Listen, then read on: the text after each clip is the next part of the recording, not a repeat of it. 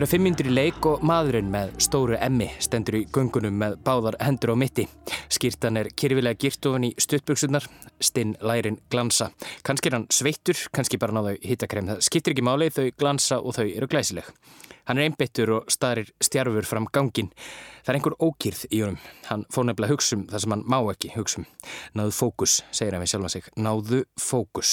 Ungur boltastrákur lítur góðu sitt aðdánar augum og verskuldar klappa á kollin fyrir vikið.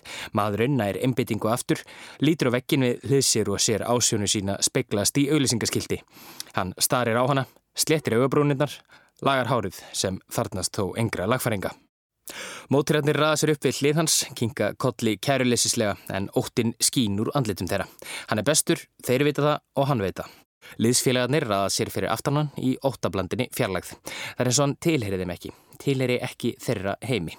Það glamrar í skrúftökkunum á steinsteipinu og þið finnir jafnvel lyktina af hitakreminu og grasinu. Hann lokar augunum og andar djúft. Einbettu þér, segir hann í hljóði. Hættu að hugsa um þetta, hættu að hugsa um þetta, hættu að hugsa um þetta. Í sköpunasögu fyrstu Mósebókar finnur hann hugun. Guð skapaði mannin eftir sinni mynd. Hann skapaði hann eftir Guðsmynd. Tautar hann með sér og bæti við. Hann skapaði þig í sinni mynd. Þú ert Guð, Guð ert þú. Hann gengur inn á völlin og hausinn tæmist. Loksins, loksins, loksins. Tugg þúsundir ærasta fögnuði. Þetta er minnstaður í veröldinni, hugsa hann. Hér á ég heima, hér breytist ég í Guð. Inn á völlinum skorur hann svona tvö eða þrjú mörg, allavega tvö. Í hvert skipti sem leikurinn stöðast fara myndavelarnar á hann. Hann horfir upp á risavaksin sjómaskjáin og sér mynd sína. Hendur á mitti, glottir, það borgaði sig að byrja hitakrim á lærin, hugsaðan. Þessi vöksuðu læri kosta 100 miljónir punta. Flauti gellur. Allir inn í klefa, allir í styrtu. Í styrtunni ber hann á sig sápu sem djúpreynsar sveitahólunar, þínast vassreynsað gelreynsefni og skrúpar sig með hunangshunangs-möndlusgrúpi. Á andlitið notar hann sérstakann skrúp sem reynsar byrt dauðar húðflugur. Hann ber á sig rakspýra með litlum sem engum vínanda, því vínandin þurkar upp húðina og lætur þig líta út fyrir að vera eldri en þú ert. Hann er einnin í tómum klefanum og mænir á speilmynd sína. Nakin líkaminn, magavöðar sem hægt er að spæla egg á. Flekklaus húðin. Og hann ókýrist. Hann fyrir aftur að hugsa um það sem hann má ekki hugsa um. Hvað er ég? Hvað ertu maður? Hætt að flýja, segir hann í hljóði, en svo sé að byggja. Vertu þú sjálfur? Hann lemur með kreftum nefa í speilin og brítur hann. Nei. Maðurinn með stóru emmi veit ekki hver hann er. Hann upplifir sjálfan sig sem einhvers konar skinnvillu. Það til hugmynd um Cristiano Ronaldo eitthvað óhlutbundið, en hinn raunverulegi ég er ekki til, hugsa hann. Aðeins einhver eining, aðeins blekking. Ronaldo, maðurinn með stóru emmi sem hefur sofið hjá öllum heimsins konum, skóla flottustu mörkin, er elskaður af helmingi mannkins en hataður af hinnum, hristir hausinn. Auðvitað ert ekki hommi, hættu þessu. Hann hristir hausinn og hlær. Sér andlit sitt speiklast í auðsíkaskildi en í þetta skipti er það speilmyndin sem er brotin en ekki speilin. Eitt hár fellur og áfram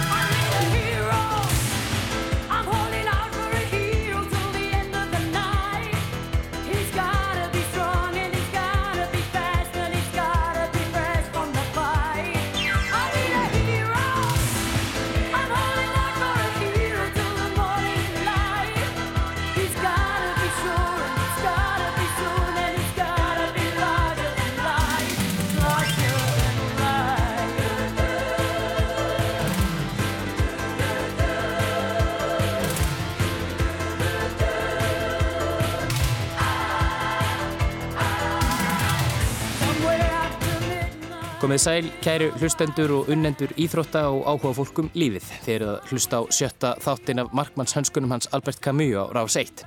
Þáttin er hægt að nálgast í sarpinum á rúf.is og í hlaðvarpsveitum snjálfsíma eða annara snjáltækja. Ég heiti Guðmundur Björn Þorbjörnsson, tæknimaður þáttarins er Kolbjörn Sofjússon. Hefur þið spurtið að því kæri hlustandi hvort Hommar spilir fókbalta? Öruglega ekki en það ætti það að vera nokkuð sjálfsagt mál. Hommar drekka kaffi, reyka fyrirtæki, eiga hunda, eiga ketti, eiga börn en spilaðir fókbalta. Þeir eru fréttaskýrindur á CNN, borgastjórar og ráþærar, fórstjórar Apple en spilaðir fókbalta. Þeir eru skáld, reytöfundar, leikarar, leikstjórar en spilaðir fókbalta. Nei, þeir spila nefnilega ekki fókbalta, vinsalustu íþrótt í heimi. Lesbjör, það er spila hins vegar fókbalta. Því stundum haldið fram að síðasta víi samkynneðra og baróttu þeirra fyrir mannreittindum séu íþróttir og öfugt er samkynneið kannski síðasta víi íþróttana. Þær er að sigrast á rasisma, staða hvenna hefur stórbatnað á síðustu árum þótt enn sé land í land, en samkynneið og sérstaklega svo er snýrað samkynneið karlmanna og fótbolta er einhverstað lengst, lengst úti á túnni. Í þættinum í dag verður fjallaðum bleika fílinn í íþróttunum, hvers vegna homar spila ekki fótbolta.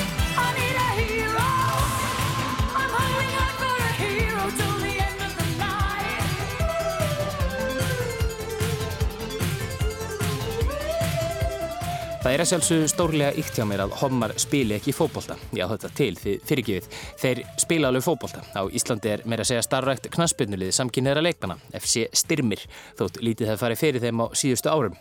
Homar spila fókbólta, en þeir eru hins vegar ekkit sérstaklega góður í fókbólta, eða náneitt sérstaklega langt ef við lítum á reyna og beina tölfræði, sem er áhugavert því hennum vestrana heimega samkynniðir karlmenn, yfirleitt, völu því að lifa að öllu leiti sambarilegu lífi og gagkynniðir njóta sömu réttinda og fá sömu tækifæri. Eðlilega, en innan heims atvinnu knaspinnunar finnast þeir varla. Aton Hýsen, Robbie Rodgers, Oliver Runier, David Testo. Þekkið þú þessa menn, kæri hlustandi? Ég er ekki viss. Þessi menn eru meðal þeirra örfáu atvinnu knastbyndumanna sem hafa komið út úr skapnum á síðustu árum. Og enginn þeirra er eða var neitt sérstaklega góður. Robbie Rodgers var þó bandarískur landslismæður og er fyrsti og eini ofinbarlega samkynniði leikmæðurinn sem hefur spilað í bandarísku atvinnumannadeildinni. Í inganginum hér áðan gerði ég því skónað Cristiano Ronaldo, einn skærasta stjarnaknaspinu heimsins og einn besti fókbóltamæður sögunar, væri samkynheður. Flest bendir þó til þess að svo sé ekki raunin og því verður ingangur minn hér bara að fá að njóta vafans. Ronaldo er fjórabanna faðir og hafmyggjusamlega trúlufaður, allavega samkvæmt Instagram. Hurningar mínar hér áðan eru þó síður en svo þær fyrstu sem velta fyrir sér mögulegri samkynneið Ronaldos.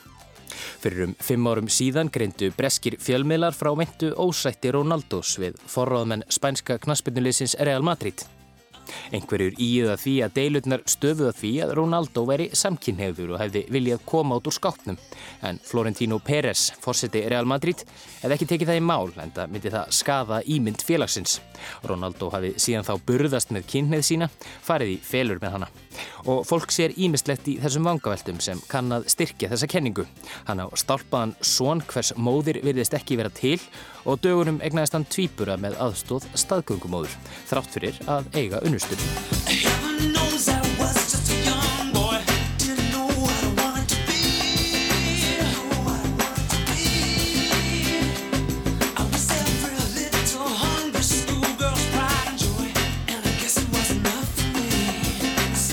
En þessar vangaveltur um Ronaldo eru kannski ekki alveg til einskist. Það er vekja okkur til umhugsunar um hvers vegna það væri svona galið ef hann kæmi út úr skápnum. Við veltum ekki lengur vöngum yfir því hvort heimisfræðar kvikmyndastjórnur eða tónlistamenn séu samkynhið. Við göngum allavega ekki endilega út frá því að þau séu gagkynhið. Jú, kæri hlustandi, mynd samkynneið Ronaldos veldur okkur heilabrótum vegna þess að engin heimsklassa fókbaltamæður er hommi. Eða, til að orða þetta betur, engin heimsklassa karlkins fókbaltamæður hefur komið út á skápnum. Ég held að það sé hérna, e, stærsta ástæðan sé í rauninu peningar. Þetta er svo stuttur ferill að, hérna, að ég held að það sé bara enginn sem þóri að taka áhættuna á að missa businessin. Sko.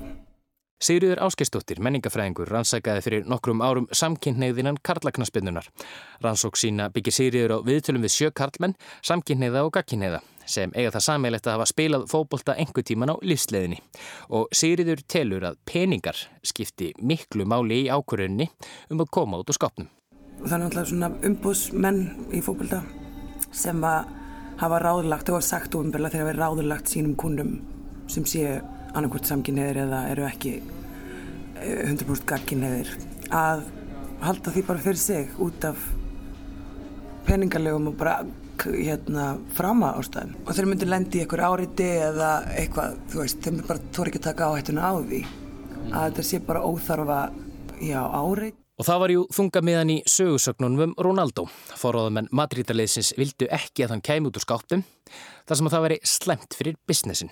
Hlustið bara á óvildarmenn Ronaldos í stúkunni.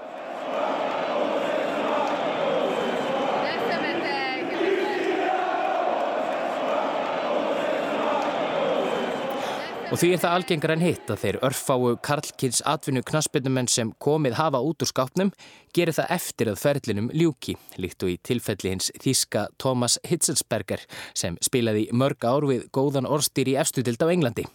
Hann kom út úr skápnum árið 2014, skömmu eftir hann hætti sem leikmaður. Í viðtali við Rafael Honigstein á Guardian gæti hann ekki svaraði almennilega af hverju hann beigð með það að koma út úr skápnum þar til eftir að ferlinum laug. Hann hafi jú ekki átta sig á því lengi vel að hann væri hommi, svo ákvaðan bara að einbita sér að boltanum og tala ekki um sitt engalíf og skildi engan undra en það spila hommar ekki fókbalta. If you believe me or not, but I don't know a single gay football player Hann heldur því þó fram sem er vissulega rétt að ferillans síni að það sé ekki þversögna að vera hommi og atvinnumæður í fókbalta. Og hann er þess full vissum að einn daginn muni það gerast að leikmæður í hæsta gæðaflokki komi út úr skápnum sem gæti leytið þess að ungir samkynniðir karlmenn hætti síður í sportinu á úlingsaldri. Annað dæmi um frægan Karlkins íþróttamann sem kom undur skápnum eftir að ferlinum laug er einn 214 cm hái Jason Collins sem spilaði allansinn feril í NBA-dildinni í Korubólta. Hann var, líkt og Hitzelsberger, þess fullið sum að nú færu hlutunir að gerast. Nú kæmu homadnir í sportinu fram í hrönnum. Ég held að það náttúrulega er enginn kannski einn ástæði fyrir en ég held að snúist náttúrulega bara af einmitt þessari menningu sem að er þá í kringum þú veist hópi íþrótti kalla. Og það er ekki, það er ekki bara fótbólti, það eru allar hinnar íþróttiðnar út um allan heim. Prósenda uh, samkynnar kallmanna sem kemur út af skapnum að meðan þeir eru í íþróttinni er, er mun, mun læri hendur en hvernig meginn Segir Edda Garðarstóttir fyrir um landslískona í fóbolta. Edda er samkynneið og síður en svo eina samkynneiða konan í fóbolta.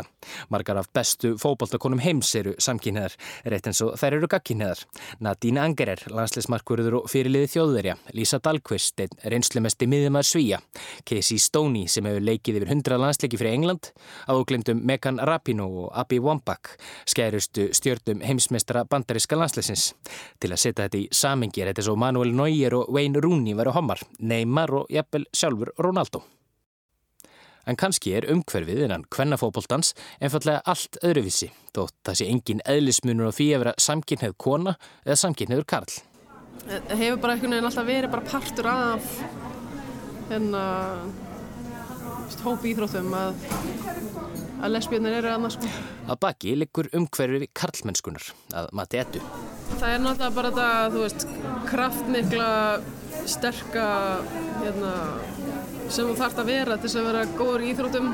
Og kannski, nú er ég ekki kannski mikið í kallaglegunum en þá er kannski þetta, þú veist, vera sterkastur, fljóðastur, bestur og harðastur af þér, það kannski er ekki kannski staðal í mynd homans og svona kannski homofóbískir frasar bara frá frá því að þú veist strákar eru lítlir kannski er það eitthvað svona sem að rata þarinn um, á meðan á meðan það er náttúrulega ekki þannig hvernig að meina að sé verið að tala um veist hérna eins og konur eiga að vera versus eins og kallar eiga að vera Í karlafóbolta skipta peningarnir miklu, miklu meira máli í kvennaboltanum og er etta sammóla sigrið um að peningarnir hafi mikið að segja um þetta viðkvæma mál.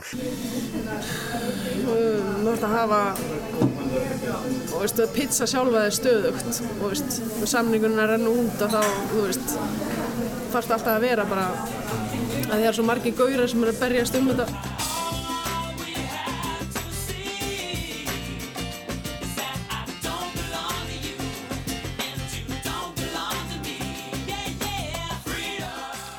Já, kæri hlustandi, hvar eru homotnir í fókbalta? Í dag er engin leikmaður í stærstu deildum heims ofinbarlega samkynniður, ekki einu sinna á Íslandi. En það þýðir ekki að þeir séu ekki samkynniður. Þeir vilja bara ekki segja frá því. Það veit ég fyrir víst og þú kannski líka. Og svo er það hinliðin á teiningnum. Þótt að séu vissilega til samkynniðir Karlkins fókbaltamenn sem spila í hesta gæðaflokki en komi bara ekki út úr skápnum, eru þeir líklega hlutfæslega færri heldur en í öðrum starfstéttum. Þeir heldast nefnilega úr lestinni lungu, lungu áðurinn ferillin fyrir að blómstra. Og það var að gera margir strákar það að hætta eftir annar flokk og það kannski gerir, þú veist, að það þarf alveg að, þú veist, um, þá þarf það að vera bara fyrir utan það að þurfa að vera afbúra íþróttamæður þá þarf það að standa af þér ansi margt bæ- bæði sem gagginauður og samkynauður og þannig að það gerir ennþá erfiðara ef þú ert ert látum heyra eða, líður eins og sérst ekki jafn mikið væri eða sterkur eins og, eins og hérna félagarnir. Ásetningurinn er ekkert endilega slæmur, þetta er enginn að reyna að vera kallrambur eða hérna, homofóbiskir. En þú veist það er bara rótgróð orðbræð sem er bara eh, ef að þú ert lítill samkynniðu drengur að þá virkar það miklu meira virk- virkar það hostæl en ef þú ert það ekki þá er bara, er þetta alltaf læg því þú ert ekki kettling og þú ert ekki hommi. Þú veist, þannig að það er bara að reyna að gera lítið úr þér. En það er svolítið erfitt að vera típan sem er notaður til þess að vera að gera lítið úr þeim öðrum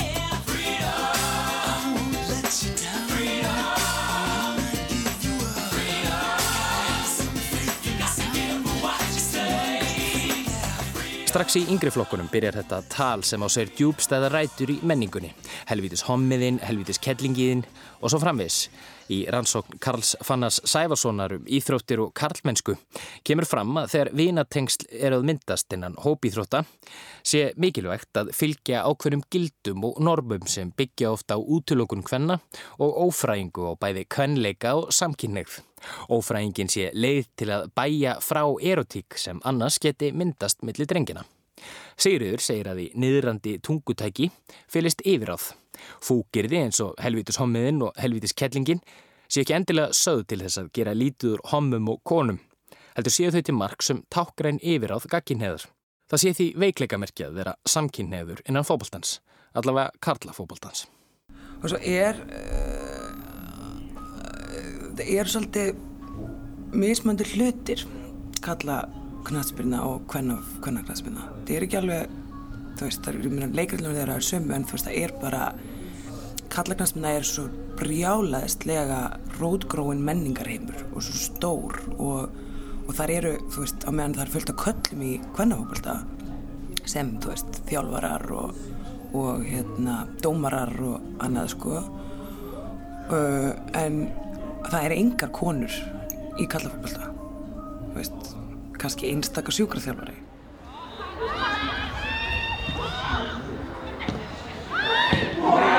En þú veist, það er þetta er svo hérna þú veist stelpur vita ekkert þú veist, það er, þú er engan aðgang. Þannig að þetta verður svona hulið ákveðinu og þú veit rauninni auðvitað ekki, þú veist, og þarf leiðandi kannski út af því að þetta er hérna loku til að vera dáð tilvera þú veist, þetta er, þetta er svona sett í ákveðinu guðatölu, þú veist, fótboltamenn er í guðatölu. Og hérna bara eins og sást með íslenska landslið e, síðast sumar. Að bara venjulegt fólk styrtlast þegar strákum gengur verið fólkta það er bara sama hvar þeir eru á þjóðfélagsdeganum eða burt sér frá veist, mentun og uppeldi og öllu sko. þannig að hérna, e, ég held að þarf leiðandi fái alls konar hlutir sem að e, þykja ekki kannski beint eðlilegir í dag fá einhvern veginn bara svolítið að vera Þegar þetta Garðarsdóttir hóf sinn knaspinu ferilval landslægið á Íslandi töluvert öðruvísi gagvart samkynneið en það er í dag. Ég byrjaði fyrir aldamót, svona kringum, kringum 94-5 í meistarflokki. Að það var bara landslæg allt öðru sig bara á Íslandi og þá, þú veist, já, kannski var líka aðeins öðru sig menningin í, hérna, bara, þú veist, lesbíu samfélaginu, sko. Það var allir snóðkliftir og hérna í, þú veist, í hérna Birkenstock, skiljur við. En núna náttúrulega er bæ menning uh, bara já, samfélagsins orðin allt önnur og veist þú þarft einhvern veginn ekki að já, vera falla inn í einhverja staðal ímynd eða, eða svona stereotypu típu til þess að, veist, að sér engin lengur veist, hver er lesbían, skiljur Og Og því segir Edda að þetta hefði einfallega ekki skipt neinu máli þegar hún var að byrja. Lesbíuróttu heima í fókbólta, það var þeirra staður.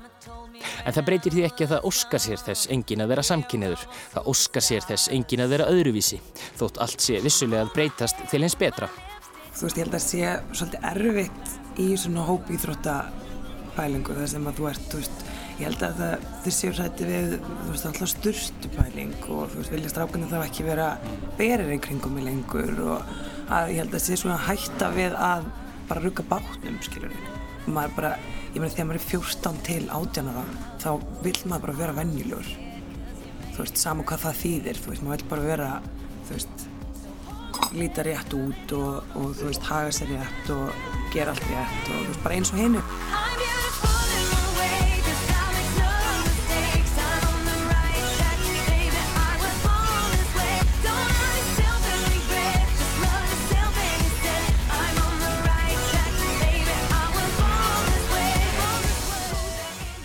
Fókbalt er mjög líkamlegt sport og mikið um náví og kannski á einhvern hátt kynferðslegt. Og ég meina, fókbalti er náttúrulega e, svolítið hommalegi þrótt. Svona mikil, ef þú veist, svona mikil nánd, mikil knúsast og kist og klappa á rassa, menn eru mikil naktir saman, þú veist, bara, þú veist, þú getur hort, þú veist, þú setur bara gay fútból eða eitthvað á YouTube, þá kemur svona montage af mönnum að fagna mörgum, og það, ég meina, ég held að það sé mögulega kannski eitthvað ástæð, þú veist, að þú meir ekki fara þá yfir línuna.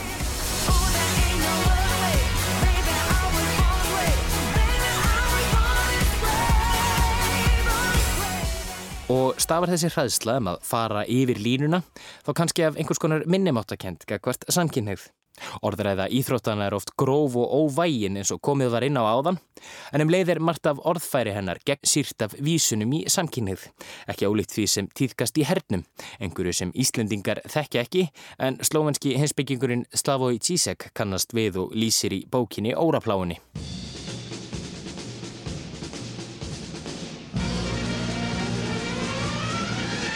Sjálfur hef ég reynslu af hommafælninni í hennum ílræmda júgosláfneska líðherr. Hver sá sem var uppvís af samkynneið var umsvifarlaust ósnertanlegur. Komið var fram við hann sem mannleysu uns hann var formlega rekin úr hernum. En jáfnframt var hverstaslífið innan hersins gegn sósa af aðdróttunum um samkynneið.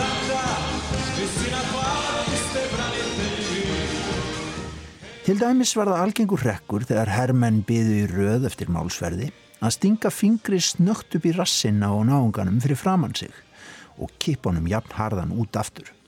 Þegar náungin leit undrandum auksl gæti hann ekki vitað hver hermannana að baki sér sem allir skörtuðu bjálvalegu dóna glotti ætti puttan.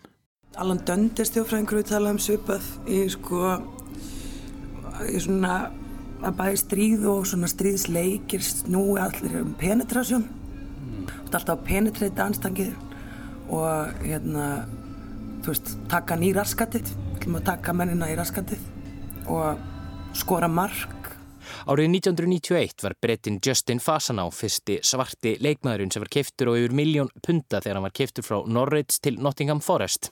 En Fasaná var líka samkynniður og miskunnulegs heimur fóboltans leikar grátt fyrir vikið.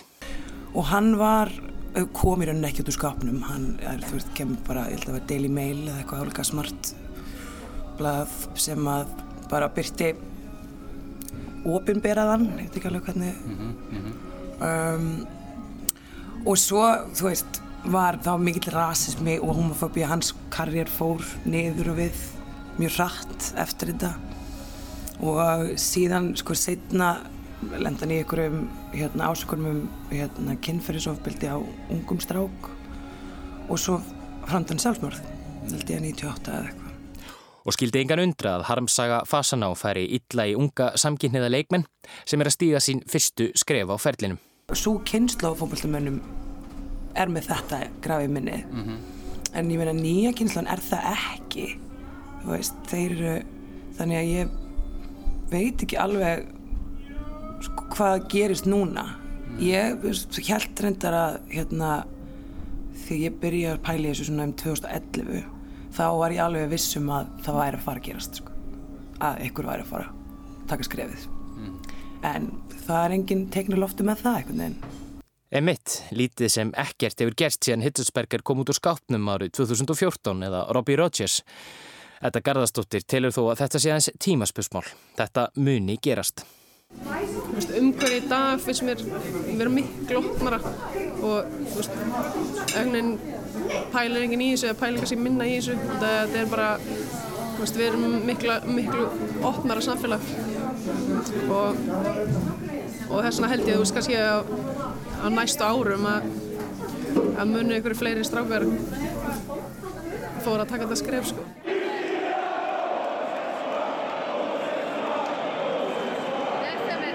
Um, ég held að það, veist, það þarf náttúrulega bara einhverja einhverja hérna, eitthvað sem þór er að koma til skopnum og get, veist, hefur, hefur kjark og þór og persónu til að standa þetta af sér.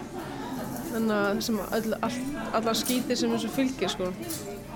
Hérna af því það er bara þannig veist. Og þetta er svo kallaður hérna einhvern veginn eða sker maður sér í hugulend heimur sko en mann finnst að vera að breytast og hérna einhver einn, tveir eða þrýr sem að þóra að koma til skapnum og hérna bara taka skarið og Here's Ronaldo! goodness. You don't save those. Oh, Kevin, the two goals he's got tonight are unbelievable strikes. What a goal. En einhverða síður eru lítil teikna á lofti, allavega um einhvern almennilegan fókbaltamann sem er á leiðin út úr skapnum. Og víku þó sögunni aftur að Ronaldo. Ronaldo sem stuðnismennir reyna að slá út af læginu. Kalla hann homma, Ronaldo sem er bestur og skora flottustu mörkin. Ef hann tæki af skarið og stýi út úr skapnum, gæti það haft keðiverkandi áhrif. Af því hann er jú bestur í heimi. Já, ég held að það sé nú alveg, þetta myndur nú alveg hafa einhver kveitjandi áhrif sko. Mm. En þetta er einhvern veginn þannig heimur, ég veit ekki, þú veist, maður getur ekki eins og gert sér hugalönd, sko, hvað, hvað hérna, hvernig svo umræði er þið bara á heimsísu. Hvað með okkur Íslendinga? Segjum svo að íslenskur topp fókbaltamaður kemur út úr skápnum. Er það ekki bara gott fyrir ferilinn hans? Og ég held að það væri mjög gott business move fyrir þann sem að undir taka það skref, sko. Þú ert að vera náttúrulega mjög sterkur einstaklingur og ætlar að gera það. Og enginn er vist sterkar en sjálfur Ronaldo eða hvað? Ég var líka oft sko hugsað um þetta bara verið eitthvað svona varnarjálkur sem hún gætir ekkert hérna appast upp á.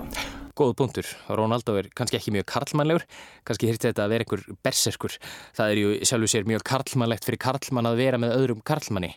Miklu karlmannlegra en að vera með konu, eða þið skiljið hvað ég á við. Kortætli hefði gert meira fyrir leikmenn sem burðast í skápnum með kynneið sína ef varnartröllið Herman Reyðarsson hefði komið út á skápnum eða henn finlegi Tryggvi Guðmundsson. Ég veit það ekki, en allavega, punkturinn er, ég held að hann þurfi að geta eitthvað. Ég held að myndi kannski meira líka hafa áhrif á sko yngri, e, þú veist, ekki bara eitthvað fullorna menn í aðrunum, sko, heldur kannski frekar kynnsluna sem maður kemur eftir. Þú veist, það þarf einhver að rýfa plásturinn af því miður e, og þá verður það bara eðlilegra, skilur, svo bara, þú veist, svo verður þetta alveg svo frjálst eftir smá og við bara, þú veist, hann kemur með einhver leik maður kemur með strák einn daginn og stelpu hinn daginn og kannski sé hann bæði, ég veit ekki. En þú veist, hérna ég held að það sé bara svolítið mikilvægt að hérna þá sem kemur bara sé góður í fókbalta það var bara svolítið áhugavert út af því eins og segir, það eru þeir sem að hafa tekið þetta skref hafa einmitt í bestafalli verið miðlungsleikmenn þannig að ég held að það var svolítið áhugavert Í verki sínu Vera á tími frá árinu 1927 fjallaði þíski heimsbyggingurinn Martin Heidegger um hina með stóra hái, Das Anderen. Hinnir eru ekki endilega aðrar manneskjur, heldur einnig tíðarandin sem flýtur yfir og allt um kring. Einhvers konar óeining sem einstaklingurinn tilherir, umhverfið. Og þegar einstaklingurinn samasamar sig hinum, kemur Das Man til sögunar. Þau eru að hættum að vera einstaklingar, tekur Das mann stjórnina og segir okkur hvað sé rétt og hvað sé ránt án þess að fyrir því sé einhver sérstök ástæða. Tilvist okkar frá degi til dags er þannig forskrifuð af Das mann. Í þessu samhengi er þetta veltaði fyrir sér af hverju Mona Lisa er álitið frábært málverk eða af hverju samkynneið þykji sumstaðar eðlilegan annar staðar óeðlileg. Hvað er það sem stjórnar því sem okkur finnst um tiltekin mál og efni? Í Greiklandi til forna þótti eðlilegt að karlmenn tæki þótt í kynferðislegum samskiptum við aðra menn. Lungu síðar var samkynneið fordæmt, sumir segja með tilkomu kristninar. Í dag er samkynneið víðast hver í vesturheimi samfélagslega viðurkent. Hvernig verður það eftir hundrað ár? Hvað mun tíðarandin segja þá? Á Ísland er das manið síbreytilegt eins og allt annað og tíðarandin breytist kannski hraðar hér en annar staðar vegna smæðarennar. Ég held þetta sé mörgulegt ákveðin miskilingur með Ísland og okkar umbyrjulindi og okkur svona. Ég held þetta sé, sko við getum ekki verið neitt sérstaklega, það er rosalega erfitt að vera mjög fordóma fullur á Íslandi út af því að við búum öll viðlið, þú veist að þú veist að tala um eitthvað þú veist það er svo líklegt að þú hittar henni bónstæðin eftir. Að þú veist ég held að það hefur svona flýtt fyrir ákveðnum skrefin sem tók lengri tíma annars þar en uh, en ég held að við sem að kannski við gerum ekki er að við kannski dílum ekki eða eigum ekki alveg við vandamáli við einhvern veginn erum bara nei nú erum við hægt að vera fordómafull. Nú erum við hægt að gera þetta. En við kannski e, greinum það ekkert pælum ekkert í því og einhvern veginn veist, og ég held að það sé svona kannski það sem að fókbóltinn hefur svolítið að fengja það er enginn, þú veist, færið enginn að ykkur rannsóknarvinnu þar að, að taka til sko. þú veist, þannig að það er bara alls konar svona þetta fælst í orðbræði og og þú veist, eitthvað svona bara svona rótgrunni bara svona töffara kallamenningu Töffara menningin, Ronaldo þessi sem sefur hjá öllum konunum. En eignast börn með konum sem er ekki til ok, nú er endur unnustu reynda líka en þetta er samt svo skrítið. Þú veist, það er bara gert ráð fyrir að fókbólmenn séu hvað ekki neður Þú veist, þannig að það allir bara, einhvern veginn þetta er bara ekki, þú veist í hug, einhvern veginn annað. En ég held að núna er svolítið mikið að breytast upp á hvað var þar ofinbera personu fókbóltamanna e, og allra náttúrulega. En e, bara vegna bara svona social media wise sko, þú veist, og ég minna kærustur fókbaldamannar eru meira og meira lífstilsblokkarar og þú veist það er bara svona líf þeirra er þú veist þeir eru svolítið að stjórna sínum eigin hérna raunveruleika þætti eða einum svona paparazzi dæmi. Þannig að þá held ég að það þú veist svona e, þá verður þetta kannski meiri ákvörðin fyrir þá sem að eru ekki gangineðir eða eru ekki þessum pakka að fela það. Og þá líka alveg líklegt að kannski eitthvað spyrir spurningum það þetta er náttúrulega heldur bara spurning um gagginni og, og samkynni þetta er náttúrulega veist, bara kynnið er mjög meira spektrumi en það.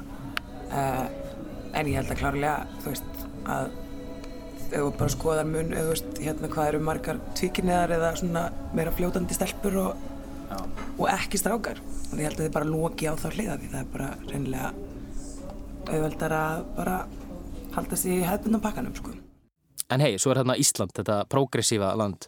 Eh, Kanski þarf knastbyttinsabætt Íslands bara að taka skarið, reyka þess að stráka beinleilins út úr skápnum og setja gott fordæmi fyrir önnur lönd. Verið velkomni strákar, ekki hætta þegar þið eru 14 ára. Hér eigið heima.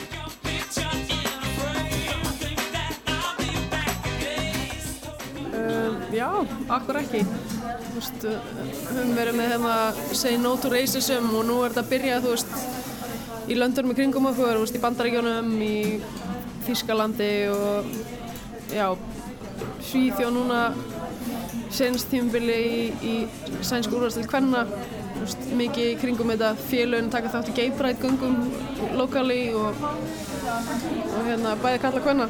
Þú veist, akkur ekki, bara láta þá sem eru veist, kannski á mörkunum að hætta út af þessu og sláta að vita að það sé bak, hérna, gott bakland til staðar svo lengi sem þetta telst vera eitthvað sem að er eh, öðruvísi og eitthvað svona hérna óeðlilegt eða eitthvað slíkt sko þá er þetta erfitt sko.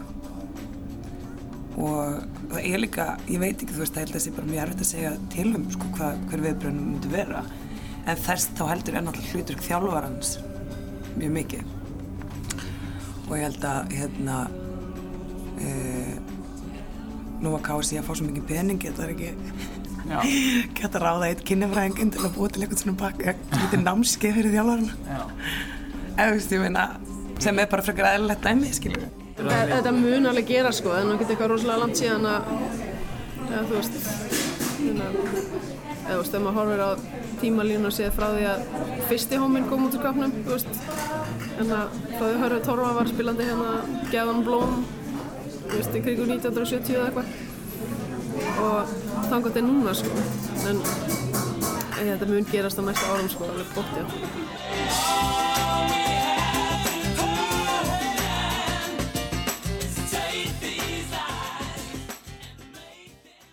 Í upphæfi þessa þáttar bar ég Cristiano Ronaldo, mannin með stóru emmi, saman við Patrick Bateman úr skáltsugunni American Psycho eftir Bret Easton Ellis, eins og glöggir hlustendur tóku kannski eftir. Líkt og Ronaldo er Bateman ægifagur, hæfileikaríkur, sjarmerandi og hugsar vel um sjálfan sig. Ber á sig sápu sem djúpreynsar svitahólutnar í störtinni og skrúpar sig með hunangs möndluskrúpi.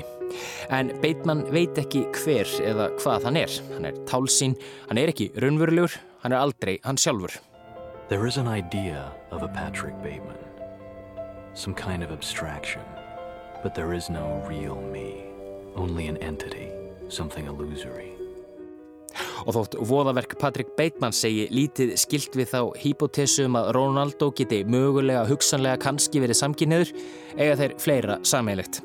Því líkt og Bateman er Ronaldo líka andhetja eða dökkhetja. Í Íslendingasögunum lesum við um bæði dökkar og ljósar hetjur. Egil Skallagrimsson annarsvegar og Gunnar á hlýðarenda hinsvegar. Argentínumæðurinn Lionel Messi er ljósa hetjan í karlafóboltanum. Hóverðin uppmáluð og hversmanns huljúfi. Ronaldo er hinsvegar dulafullur, drampsamur og umdeldur. Og gefur ekki auga leið að Ronaldo glými þá við sálar böl, líkt og svo margar af dökku hetjum bókmyndana, líkt og Patrick Bateman. Og sköpunarsaga fyrstu Mósebókar sem Rónaldó sækir huggun sína í þegar kvíðin stæðir að minnir hann á að Guð hafi skapað mannin í sinni mynd og þar með alla aðra menn og gefið þeim öllum jafnan rétt á að lifa mannsamandi lífi. Það er þá kannski fegusta narratífan ef Rónaldó kæmi á endanum út úr skápnum, sá versti og besti á sama tíma, elskaðasti og hataðasti, stæsta nafnið Konungur konungana sem bóðar fagnæðreindið til þúsunda annara knaspilnumanna um víða veröld sem burðast með það sálar böl að vera í felum með kynneið sína.